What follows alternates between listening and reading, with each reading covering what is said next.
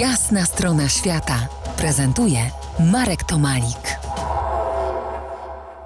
Po jasnej stronie świata Jerzy Antoni Mrożek, od ponad 20 lat mieszkający w Meksyku, iberysta, filozof, autor książki Chilam Balam z Chumayel. Coś już wiemy o tej książce, którą, którą przetłumaczyłeś y, na język polski.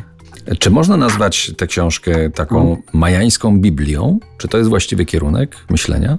W literaturze y, meksykańskiej, rozumianej jako, jako szeroka literatura, czyli ta, która rozpoczęła się przed językiem hiszpańskim, ta książka i księgi niektóre majańskie, czyli ta i przede wszystkim gwatemalska księga Dukicze, y, nazywana Popol Vuh, nazywane są y, Biblią majańską. Jest to takie bardzo dalekie skojarzenie. Religia majańska nie jest religią y, w przeciwieństwie do religii chrześcijańskich opartą na księdze. W obszernym y, wstępie piszesz, że w majańskiej filozofii słowa mówione i pisane posiadają wartość wyłącznie wtedy, kiedy są żywe. W jaki sposób są żywe? Jak to rozumieć? Słowo przez Indian, przez Majów traktowane jest jako swoisty przedmiot mocy, to znaczy to jest coś, co powoduje, że inne rzeczy mogą nabrać mocy, nabrać siły, nabrać energii od tych, mm, od tych przedmiotów mocy.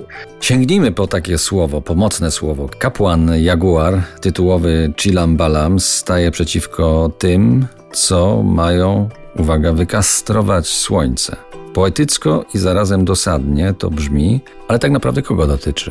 To jest dosłowny, tak, dosłowne cytaty już, już z księgi Chilam Balam. To jest jeden z chyba z najsłynniejszych zresztą y, y, cytatów z tej księgi bardzo mocny, tak jak mówisz, bardzo y, dosadny, wykastrować słońce, czyli odebrać słońcu moc. Dla religii indyjskich słońce jest, jest Bogiem, no to wykastrowanie słońca, no to jest odebranie Bogu, czy odebranie Bogom ich znaczenia, ich władzy, czyli obcięcie pewnego, pewnego poziomu, który jest poziomem symbolicznie mówiąc najwyższym i sprowadzenie poziomu władzy, czyli odbierając z poziomu najwyższego władzę, przekazanie tego poziomu piętro niżej do pewnej grupy ludzi, która y, przejmuje tą władzę i w imieniu Słońca, czy w imieniu tej najwyższej, najwyższych bóstw, najwyższego Boga, sprawuje tę władzę, ale bez bycia przedstawicielem tego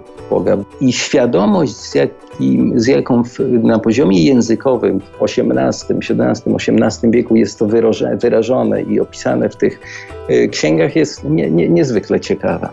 Niezwykle ciekawa ten poziom świadomości, z którą już wtedy operowano, kiedy nazywano po imieniu te fenomeny. Za kilkanaście minut przyjrzymy się jeszcze mocniej treści tej majańskiej Biblii. Zostańcie z nami.